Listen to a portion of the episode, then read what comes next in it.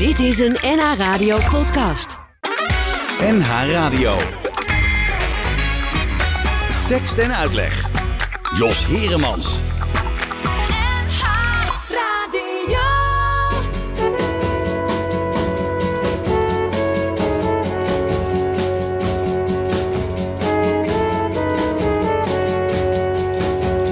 Gisteren was een soldaat een held.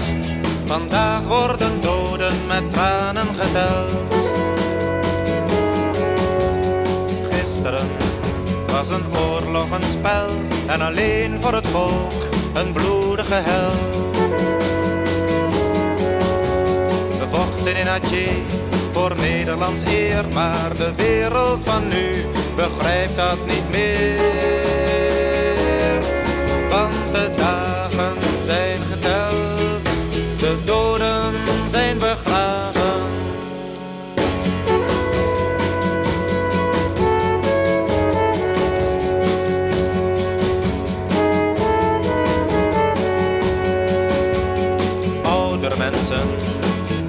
Klagen vaak, voor hun was de oorlog een eerlijke zaak.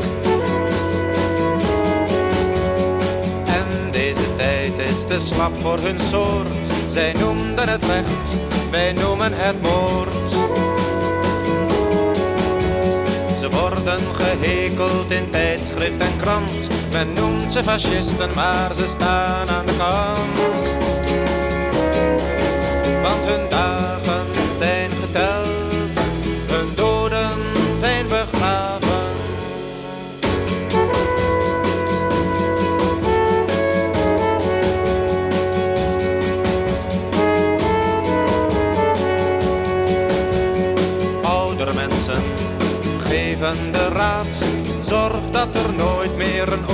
ontstaat.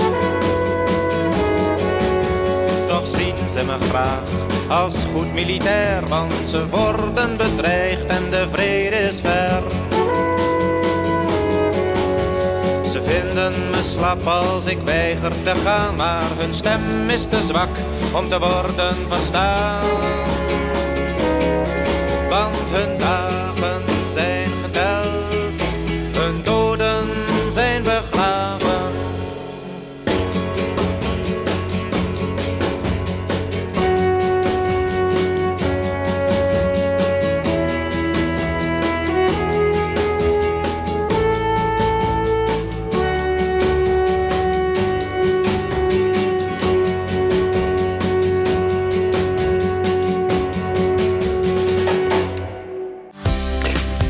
Bij eh, Tekst en Uitleg. En we begonnen dit uur Tekst en Uitleg met een eh, echt protestlied van Boudewijn de Groot. eh, waarin de oorlog in Aceh ook nog een keertje werd eh, aangestipt. En dat doen we niet voor niks, want we gaan praten met eh, Stefan Rokenbrand. Goedemiddag. Goedemiddag. Ja, eh, want eh, jij staat eh, in het stuk Gelukzoekers op Sumatra. Klopt. Eh, een stuk over, ja, waar, waar gaat het eigenlijk over? Hoe zou je dat het beste kunnen omschrijven, Stefan? Ehm Gelukzoekers op Sumatra is een, eh, een bewerking van twee boeken. Van een eh, eh, schrijfster een, uit, die, uit de jaren 20 van de vorige eeuw. Madelon Jekeli Lulofs heette ze. Ze had, eh, het klinkt nogal exotisch, maar het was een Nederlandse vrouw die op, in, in, eh, in Aceh, waar Boudewijn de Groot net over zong. Eigenlijk net onder Aceh. Het was de, de streek heette Delhi. Zij eh, was daar vrouw van een rubberplanter. Er waren daar veel rubberplantages. Ehm, een Nederlandse vrouw dus, schrijfster. En ehm, zij schreef eerst een boek, Rubber, over eh, ja, de witte mensen daar en hoe, hoe daar in de hit, er was daar niks. Er waren alleen maar plantages. Dus hoe, de, hoe de mensen zich daar verveelden en wel heel veel geld verdienden in weinig tijd. Maar ook hoe ze leden onder het klimaat. Maar dat lijden is natuurlijk een, eh, een beetje wrang omdat het natuurlijk niet in verhouding staat tot het lijden van de plaatselijke bevolking. Ja, die namelijk precies. als contractarbeiders, en dat mag je gewoon lezen als slavernij, Ja, en werden ingezet om die rubber da- daadwerkelijk eh, te oogsten. En daar ging een half jaar later het tweede boek, Coolie, over. Coolie is een, eh, ja, een, een, een Maleise woord eigenlijk voor, voor contractarbeider, maar het heeft de, con- de, con- de connotatie van slaaf. eigenlijk. Je moet ook nu niet zomaar een, eh, iemand coolie noemen, want dat is echt een belediging. Ehm, maar ze heeft toen een boek geschreven, Coolie, en dat gaat over twee Javaanse tieners die geronseld worden om te komen werken op Sumatra. Ah ja. Nou heeft Olivier Diepenhorst, de regisseur van onze voorstelling, heeft die twee boeken bewerkt tot één toneelvoorstelling. Ja, dat maakt ook deel uit van een groter geheel, hè? Deze voorstelling. Ja, dat klopt. Ja, zijn een aantal jaar geleden heeft Olivier al het, het boek eh, De Tolk van Java eh, geregisseerd. Ehm, dat heeft dezelfde producent van, van eh, onze voorstelling, heeft dat ook geproduceerd. Ehm Ja. Korthals Stuurman heet, die, heette ze. En dat was niet alleen een succes, maar het bleek ook een, enorm veel vraag te zijn naar iets meer inzicht over die, over die tijd. Er zijn al voorstellingen ja, gespeeld. We hadden het net eventjes, eh, toen Boudewijn aan het zingen was, over de, over de stille kracht en zo Ja. de, de, de romantische verhalen over ons Indië zijn al wel aan bod geweest. Die hebben al regelmatig het toneelvloer gehaald. Maar de andere kant, namelijk hoe de Nederlandse eh, grondbezitters daar, Mhm. in dit geval de planters, daar hebben huis gehouden. Daar is eigenlijk weinig over eh, gemaakt en weinig over bekend. Ik wist het ook niet op die manier. Nee, en dit, eh, dit verhaal speelt ook best wel eh, lang geleden. Hè? Want het is niet rondom de, de revolutie, zeg maar, en de opstand in Indonesië. Maar het speelt al echt in het begin van de, van de vorige eeuw. Ja, rond de, in in de jaren twintig van, ja, van de vorige ja, toen ging het hier booming in Europa. Hè, tussen de twee wereldoorlogen in Berlijn stond op zijn kop. alles ging helemaal goed. Ja. En mensen gingen autorijden, de rubberband. Ook nog eens een keer, ja, de rubberbanden, Dus ja. er was veel behoefte aan latex. Ja, en daar bleek Sumatra een uitstekend Ja, er te stonden nogal wat bomen. Ja, Ja, precies. ja, ja, precies. Nou ja, de- de- de- de- er was vooral veel grond. De, de Ja. bomen die er stonden moesten eerst weg. Het was ook nog eens het begin van een grootschalige ontbossing. Oh, wij daar oké, ja. eh, of wij, die de Nederlanders daar eh, op hun geweten Ja. hebben. Heel groot is gekapt, eerst dan platgebrand. En daarna rubberband. Rubberbomen erop. Ja, ja. Een klein stukje van de trailer. Laten we daarmee beginnen. Yes. Ik ben weggegaan zonder iets te zeggen. Dan heet ik jullie van harte welkom op Sumatra. Haha, kijk. Niemand weet waar ik nu ben. Die ruiken nog helemaal naar Holland. Ik heb mij verkocht. Je kan toch niet de hele dag hier in dit lamme huis zitten en naar die rubberbomen turen? Dat hoeft toch ook helemaal niet. Maar gewoon iets meer thuis zijn. Noem jij dit een thuis? Elke dag. Werk. Ja. Noem je dit een thuis? Ja, dat is natuurlijk ook van die mensen die daar kwamen, de hoofdpersonen. Twee, twee van de hoofdpersonen althans. Ja, Die, die komen uit Nederland en eh, die, die gaan daar zitten. Ja, klopt ja. Nu, Ja, nu had de schrijfster daar natuurlijk ook ervaring mee. ja, zeker. Dus een van die twee personages, eh, personage Marjan, dat wordt gespeeld door Jara Alink. Dat is ook, daar kun je echt wel de schrijfster in, in herkennen. Ja. Ehm, ja, het gaat. Dus de ene helft van het verhaal is eh, twee jonge Nederlandse mensen, een echtpaar, die daar komen en denken: we gaan gewoon in een paar jaar tijd Even binnenlopen. geld verdienen. ja. En dan komen we terug en dan, dan hebben we een startkapitaal. En dan kunnen we eigenlijk hoeven voor de rest van het leven niks meer te doen. Maar we hebben het in ieder geval heel luxe. En zij wordt gek van eenzaamheid en verveling. Ook als vrouw in die tijd werd het niet. Waar je verwacht dat je je in de plantenleven ging mengen. Nee, maar het was ook al bijzonder dat zij, eh, hè, als dan even de persoon, de persoon eh, schrijver en hoofdpersoon met elkaar verweven. Het was al bijzonder opmerkelijk dat eh, een vrouw eh, schreef in die tijd. Absoluut, absoluut. Ja. En ook vrij geëmancipeerd eigenlijk. Hoe zij Ja. Marianne schrijft is behoorlijk... eh, Ja. Het was eigenlijk behoorlijk vooruitstrevend. Maar het is natuurlijk... Ja, wat nog opmerkelijker is natuurlijk... is, is hoe ehm, Frank en Marianne zich binnen no time... eh, ehm, eh, ja, overgeven aan de mores daar... hoe er omgegaan wordt met de arbeiders. Ja. Want ze komen daar en in het begin... Ja, nog één of twee dagen sputteren ze een beetje tegen. Van, nou, dat slaan, moeten we dat nou wel doen? En eh, Mhm. god, is toch allemaal wat hè, voor ze. Ja. Maar er wordt heel snel duidelijk gemaakt... luister, als je je carrière wil maken... en dat is waar je hiervoor bent, meedoen. Ja. Geen vragen stellen, niet moeilijk doen, gewoon meedoen. Accepteren En dat, dat het betekent is. dat je die arbeiders klein moet houden, zo klein als mogelijk. Want eh, ze moeten zich niks in hun hoofd halen. En dat betekent ja, lijfstraffen, super streng zijn. eh, alles wat je, de meest vreselijke dingen die je bij slavernij voorstelt, dat gebeurde. Dat gebeurde. Ja. En jij moet in de rol eh, kruipen van een van die hoofdpersonen... die dat allemaal maar gewoon vindt en daar eh, op, op jacht gaat. Hoe heb jij je daarop voorbereid? Nou, ehm, ik, ik speel inderdaad, ik speel van Hemert, iemand die er al langer zit. Dus als eh, het jonge stel binnenkomt, ben ik degene die zegt, eh, nou, Zo moet het. hè, zo moet het hier. En je bent hier toch om geld te verdienen. Dus als je dat wil doen, dan moet je maar gewoon naar mij luisteren. Ehm, ja, ik lach erbij, omdat het is natuurlijk, dat is gewoon hoe het ging. Ja. Maar het is te krankzinnig voor woorden eigenlijk. Ja, ik heb me erop voorbereid door er veel over te lezen. En ehm, we hebben het er ook veel over Hm. gehad. Maar het is, vooral veel inlezen. En, en Ja, over die tijd, specifiek over die tijd, is niet zo heel veel bekend, denk Nee, ik, in Nederland. Wel in de periode ervoor natuurlijk ook door Multatuli. Maar Mhm. juist in die periode, het is een beetje, ja, een beetje, een beetje suddertijd. Nou, het is er wel hoor. Het is, je moet wat beter zoeken, dat is waar. Het is wat, want de grootste boeken over de geschiedenis van Indonesië gaan toch vooral heel erg inderdaad over de revolutie en onafhankelijkheidsstrijd. Ik bedoel, eerst de, de koloniale tijd, Mhm. dan een hele tijd moeilijk gedoe, want Ja. niemand weet precies wat er nou gebeurde. En daarna de onafhankelijkheidsstrijd. Maar in die tussenliggende periode, ja, eh, gebeurde er natuurlijk ontzettend veel. Wat ik net Ja. zei, er werden mensen geronseld, tieners uit Java om op Sumatra te gaan werken. Ja. En eh, die werden kort gehouden. ja. Ja, en waarom juist op Sumatra? Waarom niet op de andere eilanden? Was dat specifiek? Was dat handiger om, eh, om daar die rubberbomen te, te planten? Ten eerste de vruchtbaarheid. Het was een, het, er was heel veel plek. Het is een reusachtig eiland, Sumatra. eh, wat heel erg vruchtbaar is. Vooral het dal, wat, dat gebied heet Delhi. Mhm. Volgens mij heet het riviertje ook Delhi. Daaromheen is het heel vruchtbaar en heel bruikbaar. Ehm, maar er was ook gewoon een makkelijk deeltje te sluiten met een plaatselijke, ja, plaatselijke heerser. Een- Ja. Iemand die daar woonde. Gewoon een, een, een, inlandse eh, Sumatraan. Waarvan die daar dan de, de heerser was over dat gebied. En er werd gewoon een deeltje mee gesloten. Ah, ja. We zullen jouw bevolking met rust laten. Sterker nog, jullie, krijgen, jullie mogen delen in de winst. Maar dan moeten jullie eh, niet altijd moeilijk doen over hoe wij hier huishouden. Ah, oké. Dus Snap daar werd een deeltje. En het was heel dun bevolkt, Sumatra. Ja. Dus er, er moesten arbeiders uit Java over. Dus ze konden rustiger hun gang gaan, want er geen pottenkijkers waren. De grond was super vruchtbaar. En eh, ja, je moet alleen de arbeiders uit Java halen. Maar de truc was daar. ehm, je geeft zo'n voorschot van anderhalf jaar salaris. Dus die mensen konden allemaal niet lezen en schrijven. Want dat, je Mhm. hebt het over tieners die op een eh, rijstplantage zijn opgegroeid. Ehm, die zeggen, ja, zet hier even een kruisje neer. En dan denk ik, ja, nu moet je dus komende anderhalf jaar voor mij werken om dit weer terug te betalen. Ja, waanzinnig. Ach, Ja, ja, ja. Met, met boter en suiker gingen ze erin. absoluut. En dat, was ook, eh, dat is ook in de voorstelling een belangrijk ding. Er werd ook steeds, als er uitbetaald werd op uitbetaaldag, dat heet eh, Hari Besar in het Maleis.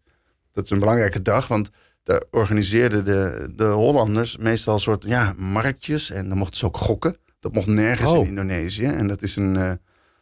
eh, ja, dat, dat is sowieso in Azië is gokken reusachtig. Dat, Mhm. dat is een enorm eh, ding daar. In Nederland ook. Maar daar is het, is het Nog veel groter. Onderdeel van het, van het dagelijks leven. En ook veel geaccepteerd.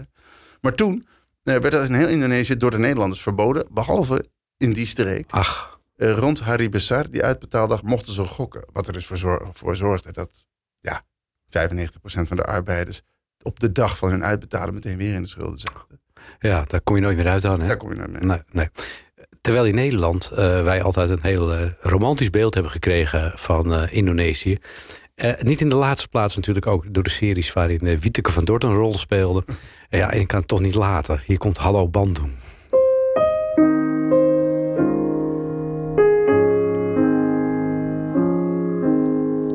Het oude moedertje zat bevend op het telegraafkantoor. Vriendelijk sprak de ambtenaar, juffrouw, aanstonds geeft Bandung gehoor. Trillend op haar stramme benen greep ze naar de microfoon. En toen hoorde zij, oh wonder, zachte stem van haar zoon. Hallo, Bandung? Moeder, hier ben ik. Dag, liefste jongen, zegt ze met een snik. Hallo, hallo, hoe gaat het, oude vrouw? Dan zegt ze alleen,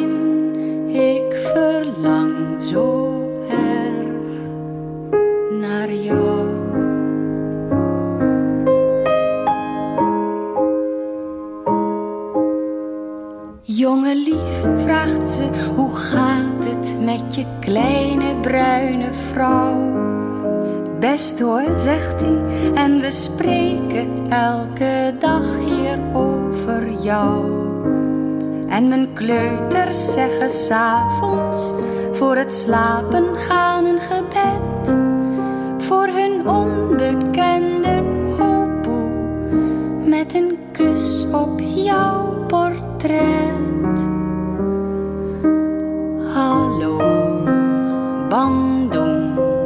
Ja, moeder, hier ben ik. Dag, liefste jongen, zegt ze met een snik.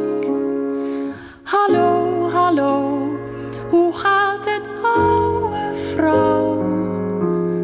Dan zegt ze alleen, ik verlang zo erg naar jou.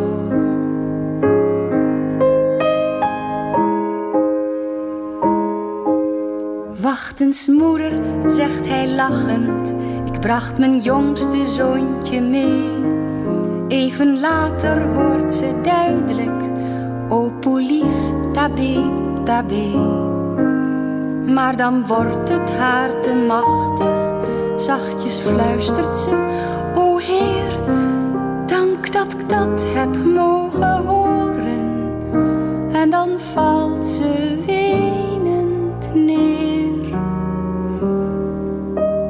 Hallo, Bandung? Ja, moeder, hier ben ik.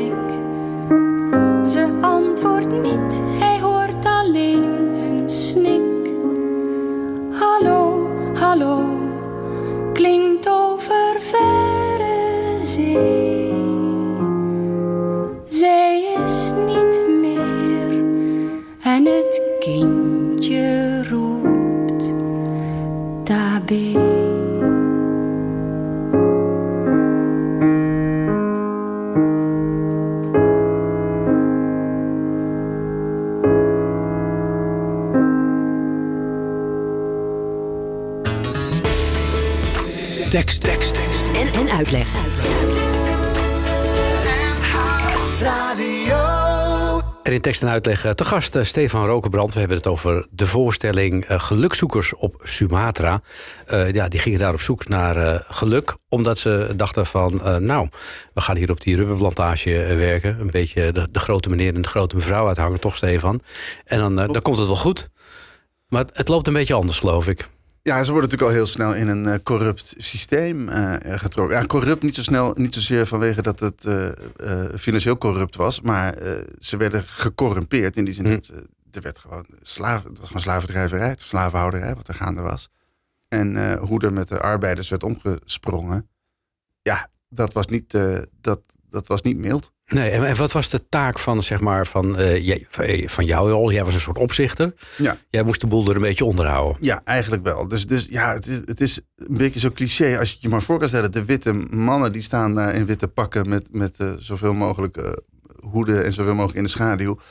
toch een beetje opzichter van de opzichter te spelen. Want de opzichters ze- de, wer- die echt op de velden stonden, dat waren toch meestal ook. Dat waren meestal ook Javanen of, of mensen die, uit Sumatra zelf. Die hadden Ja. nog een soort eh, controlerende functie. En de Hmm. arbeiders waren allemaal ja, geïmporteerde Javanen Ja. En waar ging die rubber heen eigenlijk? voor het grootste gedeelte Europa en, en Amerika. eh, Ja. De auto-industrie banden van te maken. Ja. Weet Dat was natuurlijk een, nieuw, eh, een soort nieuw goud toen. Ja, ja, ja. Maar ja, het is dus, dus die mensen werden heel snel in dat systeem gezogen van zo ga je hier met de medewerkers om. En eh, ehm, ja, dus, dus dat is wat er heel snel in de voorstelling al gebeurt. En als, als Van Hemert, mijn rol, eh, dan sta je daarbij en dan, eh, dan zorg je dat het allemaal in goede banen Ja, dus die van Hemert is een vrij eh, stabiel persoon. Die zich niet zo makkelijk, denk ik, uit het lood laat slaan. Zeker, een autoritair persoon. Maar, ja, ja, maar voor, de, voor degenen die net aankomen, zeg maar, het echtpaar waar, hè, waar, waar het eigenlijk om draait. Ja. Ja, die, eh, die hebben het er moeilijker mee. Ja, die hebben het er zeker. Ja, je hoorde net ook in het liedje van eh, Hallo Bandung. Het is, er zit ook een scène in onze voorstelling dat Marian niet weet wat ze moet schrijven naar Hmm. Inderdaad, want ze snappen thuis toch niet hoe het hier gaat en eh, hoe het hier met ons gaat en hoe ik me hier voel. Ik kan wel zeggen, ik verveel me de hele dag te pokken.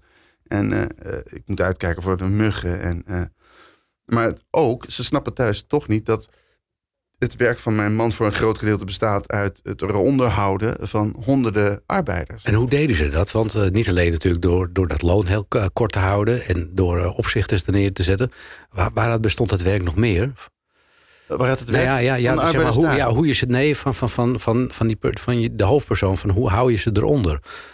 Ja, eh, geweld gebruiken. Ah. Hij was dan inspecteur, dus je moet je Mhm. voorstellen, die, die, die rubberplantages, dat rubber komt uit de schors van zo'n latexboom. Hè. Dat zijn vrij Mhm. smalle, eh, lange, rechte boompjes. En daar wordt dan een kerf in de schors gemaakt. En daar liep dan de latex in, in bakjes eh, uit. Nou, dat moest verzameld worden, moest gewogen worden. Dat moest, ja, dat was, en, en dat werd natuurlijk door, allemaal door arbeiders daar gedaan. Maar dan, iemand moest dat inspecteren. En moest Mhm. dat, dus dat was heel veel kilometers afleggen om, om, om van plantage naar plantage te rijden om te kijken of allemaal goed Ja, ja. Ja. En je ziet wel een, een karakterverandering, althans een eh, gedragsverandering bij met name de vrouw. Die trekt het zich enorm aan. Eh, kunnen we even de vrouw als schrijfster ook eh, weer met elkaar samenvoegen? Zeker. Die, Nou, dat is heel interessant. Want zij zegt op een gegeven moment de- in, de, in de voorstelling tegen de man... Frank, wat doen we hier in vredesnaam? Mhm. En niet alleen, dan heeft het niet over de verveling... maar heeft wat zijn we hier met deze mensen aan het doen?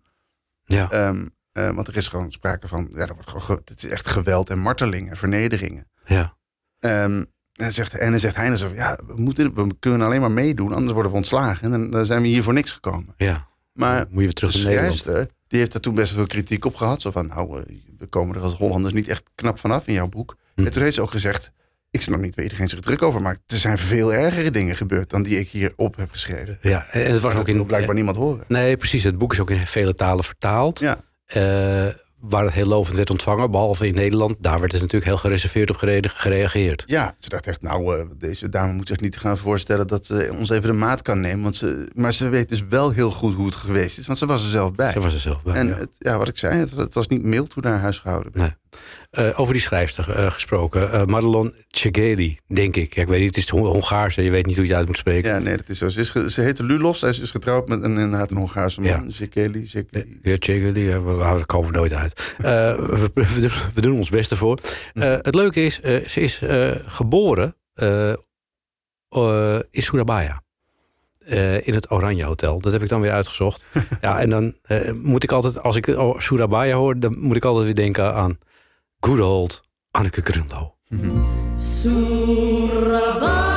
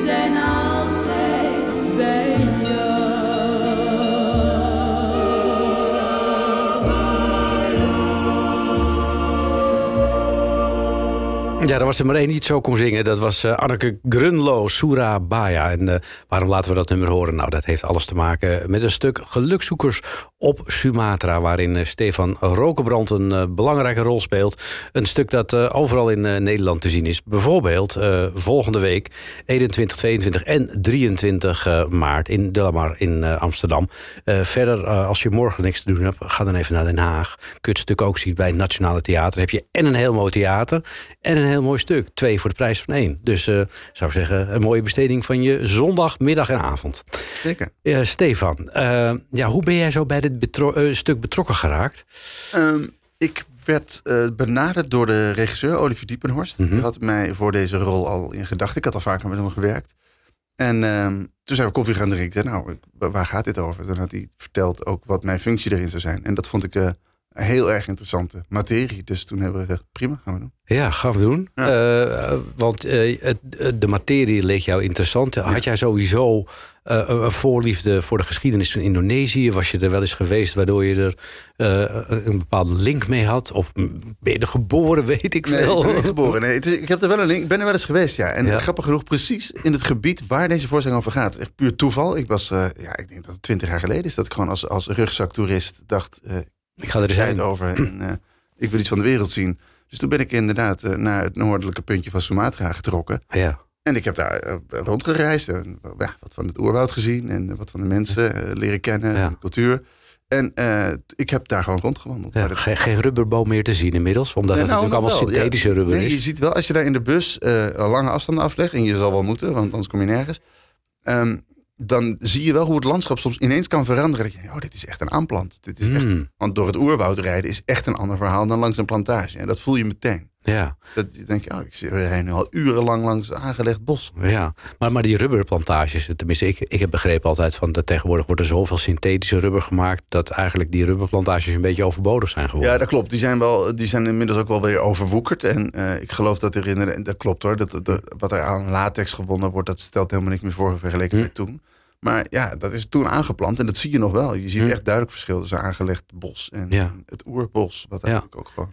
Olivier Diepenhorst wilde dit stuk heel graag maken, net als de tolk van Java. Ja. Wa- Wat denk je dat zijn achterliggende gedachte is geweest waarom hij juist deze geschiedenis van Indonesië eh, over het voetlicht wilde brengen? Nou, ik weet dat Olivier wel meer en meer eh, in deze materie gezogen werd. Hij werd inderdaad een aantal jaar geleden gevraagd als regisseur voor de tolk van Java. Las het boek en was verkocht. Mhm.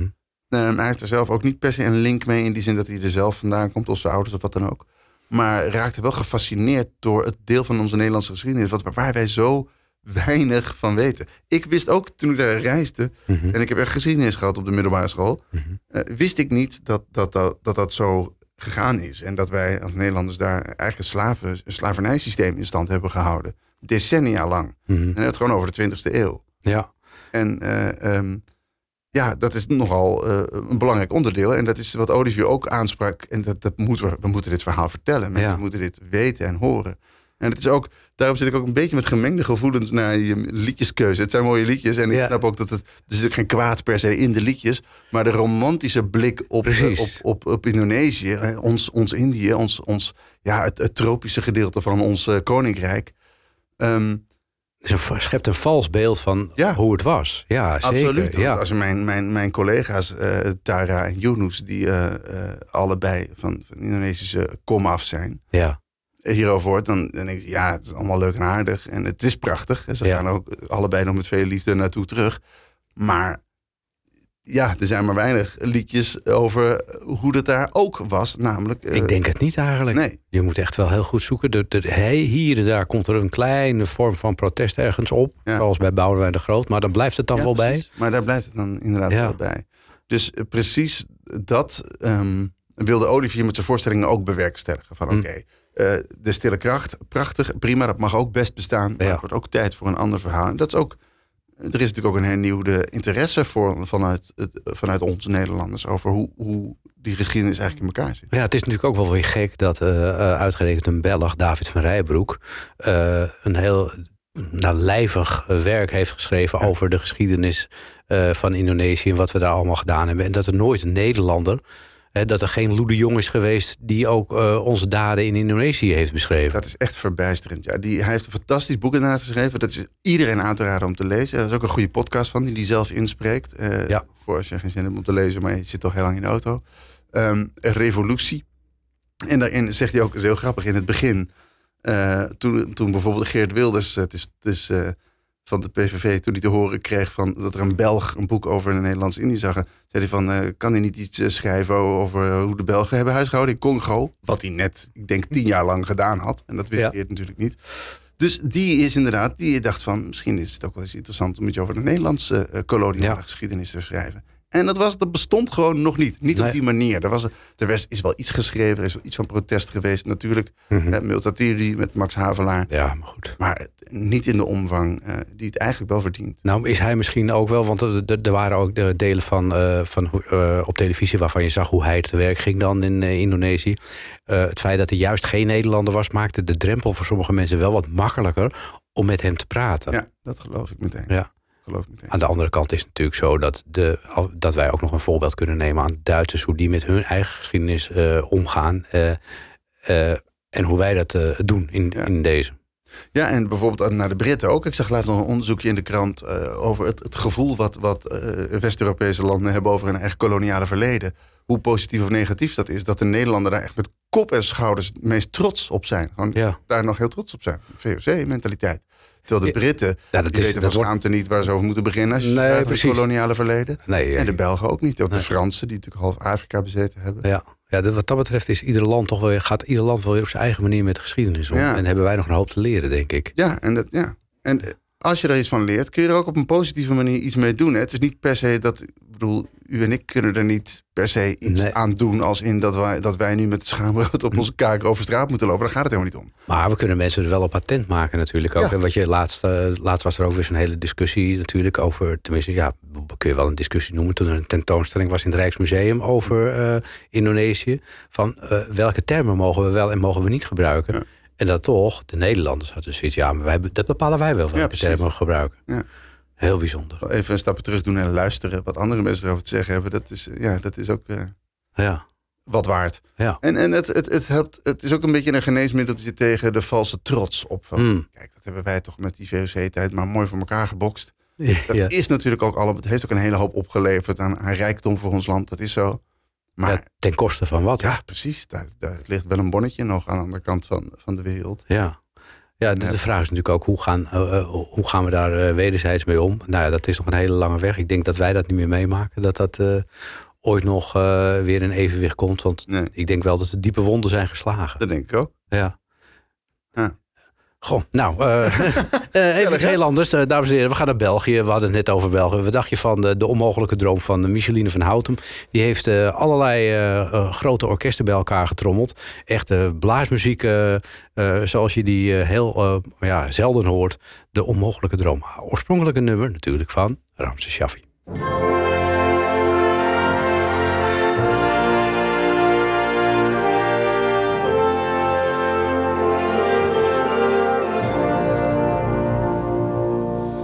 Ik droom een onmogelijke droom. Ik zoek wat geen mens nog gelooft. Een woord dat de wereld verandert.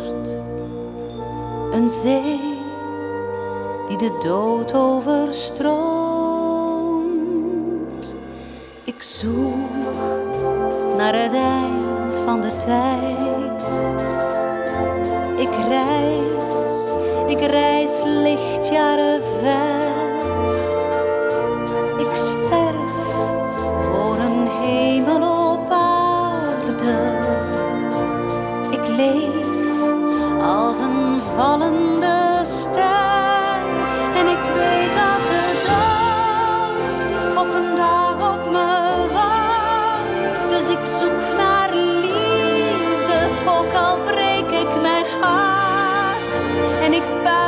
buig en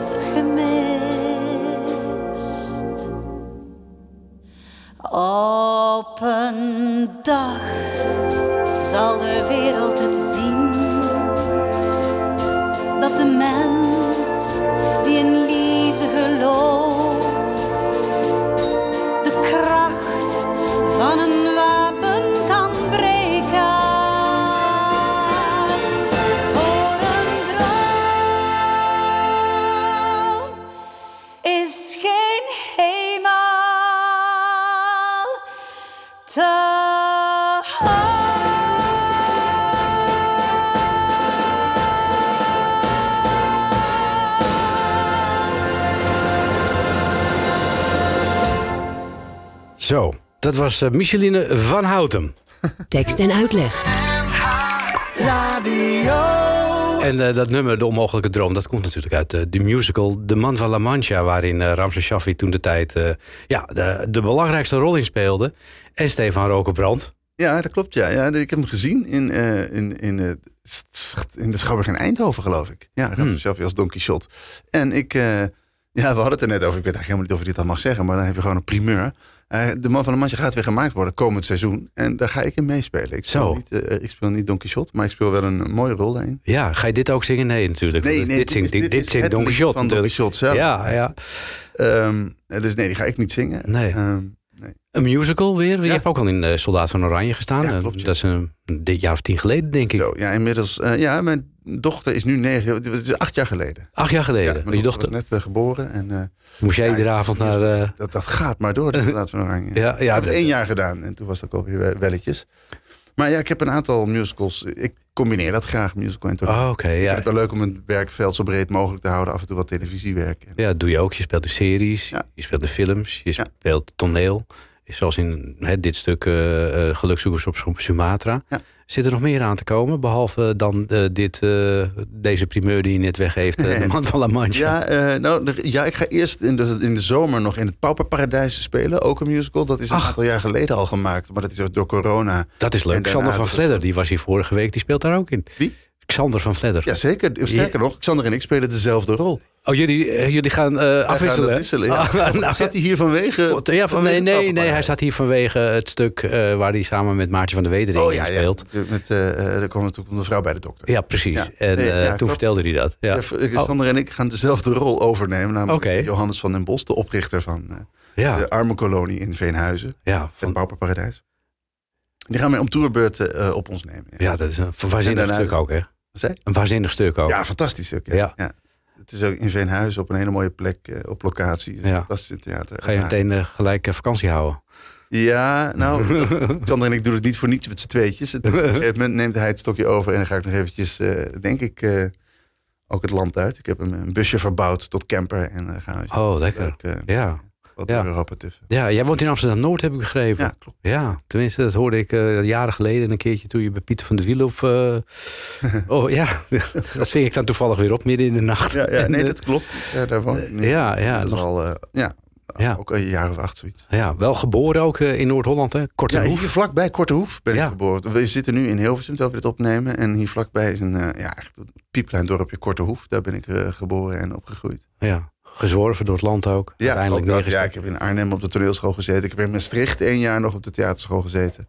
Oké, Ja, ja, op allerlei plekken gewoond en ja, wel leuk toch? gebleven. Maar nu in Amsterdam, ja, dat is toch... eh, het is in Amsterdam-Noord zit je ja, bijna in een soort dorpje aan de rand van de stad. Zo voelt het bijna. Het is wel hip tegenwoordig. Ja, het is hip aan het worden, ja. ja. Toen wij er naartoe gingen, verklaarden mensen ons nog voor gek. Jezus, dat, Dat is al lang geleden dan, denk ik. Ja, Nou, meer dan tien jaar dat geleden. gegaan hoor. Nee, dat is echt een jaar of acht geleden. Dat- Oké. dat- dat- Jee, maar moet je nou in Noord? Ja. Maar, en nu, nu, ja. Ja, Iedereen wil in Noord- Noord-Zuidlijn speelt natuurlijk een rol daarin. ja zeker. Heeft geholpen. Ja. En op cultureel gebied is natuurlijk het een en ander bijgekomen. Zeker. AI, heel veel theaters ook. Ja, het is ook hoe eh, gentrificatie altijd al werkt. Ik bedoel, Ja. ik heb, eh, om een beetje binnen het thema van gelukzoekers op Sumatra te blijven... ik heb ook nog jarenlang in de Indische buurt gewoond in Amsterdam... op de Aceh-straat. Nou, En, eh, kijk. ja. En, en dat was ook een plek toen wij daar gingen wonen van... Ja, daar wil je daar nou, wonen. Het is Ja. levensgevaarlijk en Ja. eh, achterstandsbuurt. Maar een paar jaar later is het een van de hipste wijken van de stad. En zo gaat het eh, steeds verder. Borselommer wordt dat ook weer, eh, zoals de baarsjes dat was.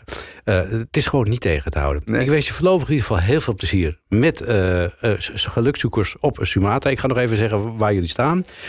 Dus morgenavond in Den Haag. Ga er al een heen naar het Nationale Theater. Maak er een dagje uit van. En volgende week dinsdag, woensdag en donderdag dus in het uh, De La Mar Theater in Amsterdam. Van de zomer staat Stefan dus in Pauperparadijs. Moet je ook heen gaan. Het is echt een waanzinnig stuk.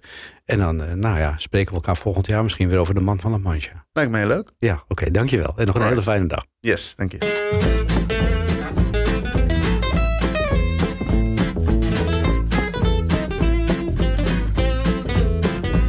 Je hebt mensen die geboren zijn voor plezier en voor geluk. Ze lopen altijd in de zonneschijn en hun leven kan niet stuk. Ze ervaren nooit obstakels, het is een achtbaan zonder end. Van geluksmoment, naar geluksmoment. Je hebt mensen die nooit zwoegen, want de wind waait altijd mee. En die varen vol genoegen op een altijd kalme zee. Die de ware liefde fixen met een achterloze knik. En mensen zoals jij en ik.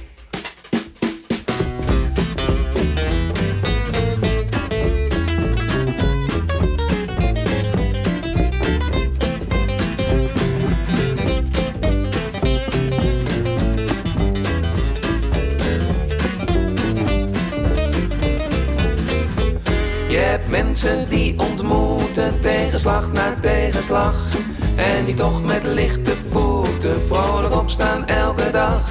Je hebt mensen die met honger en de kleren van karton lekker huppelen naar de horizon.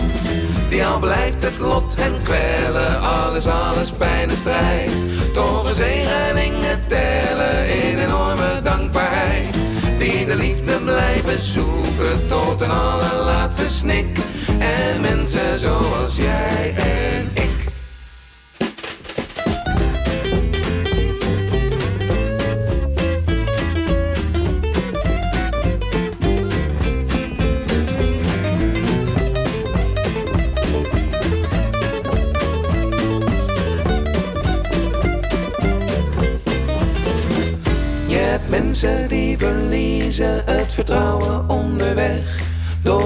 te kiezen of gewoon door domme pech.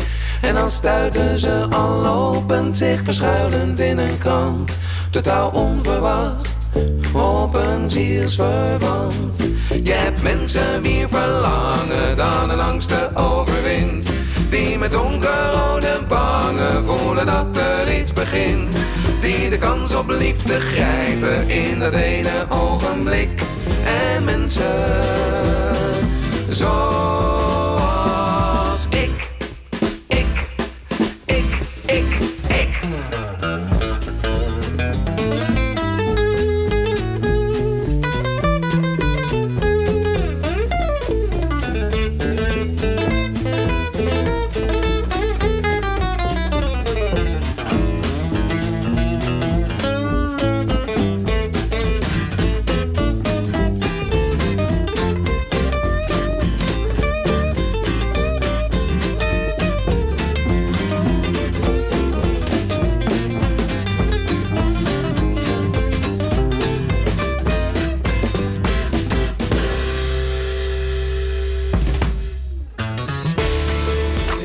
Tekst, tekst, tekst. En, en uitleg.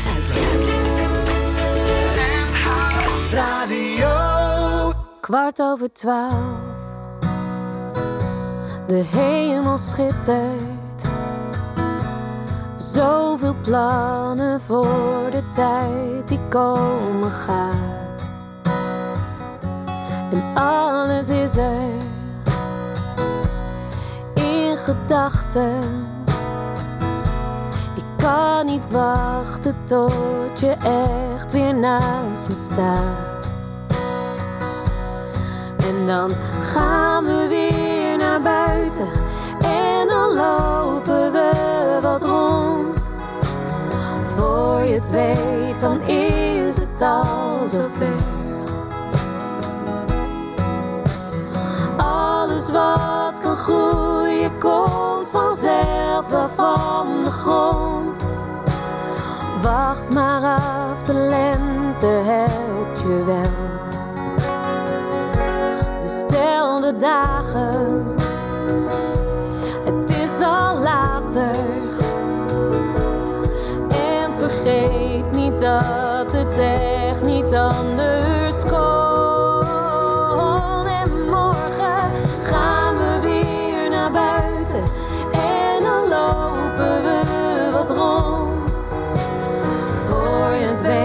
dan is het al zover.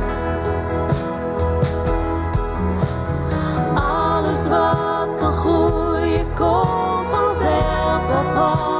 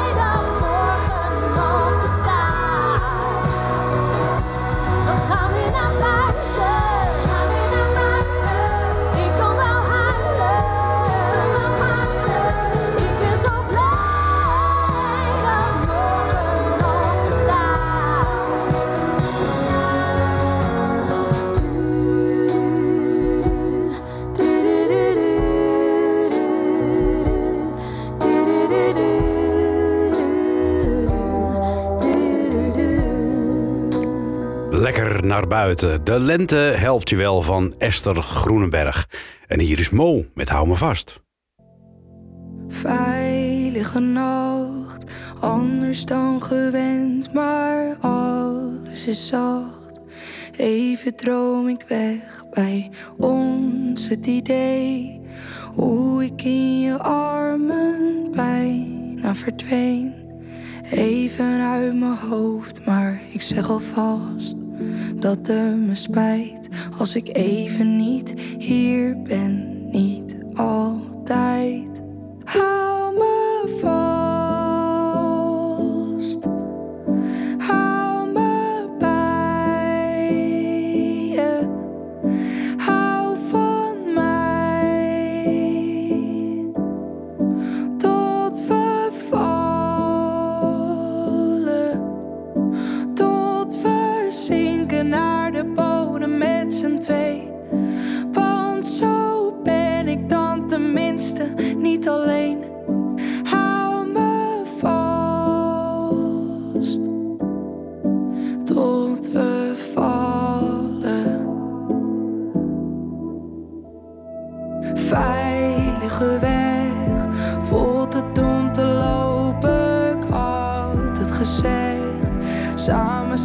boven. Alles dat draait en alles dat hier leeft, want dit overstijgt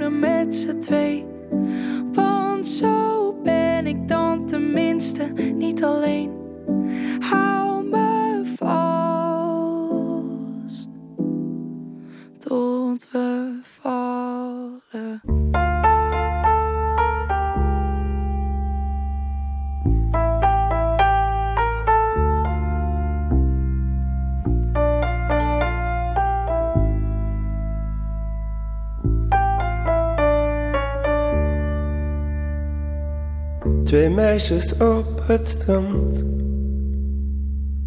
Ze lezen modebladen.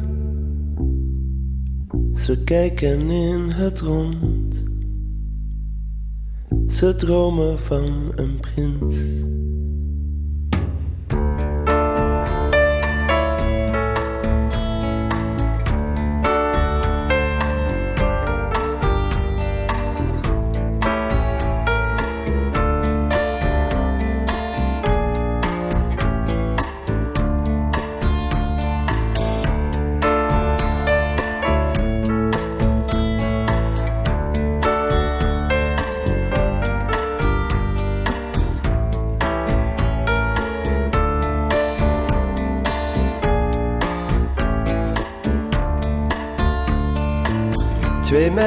Op het strand. Ze lezen modebladen. Ze kijken in het rond. Ze dromen van een prins. Ze zoeken in hun tas. Ze wijzen naar de foto's. Ze schudden met hun haar. Ze praten met een vriend. Twee meisjes op een plank. Gedragen door de golven. Het branden van de zon. De wijzers houden op. De dag brengt ouderdom. De nacht brengt vreemde uren. Het deken is zo zwaar. Een bladzijde slaat om.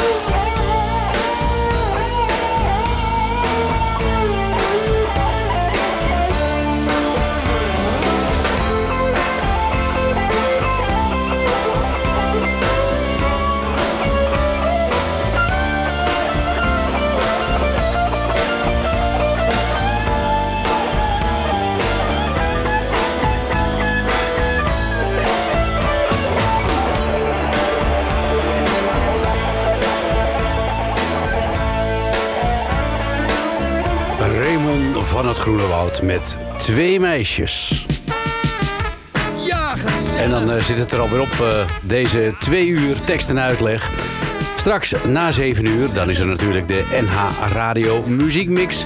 En morgenochtend zit hier om eh 7 uur alweer Koop Geersing voor je klaar met Waarheen, Waarvoor.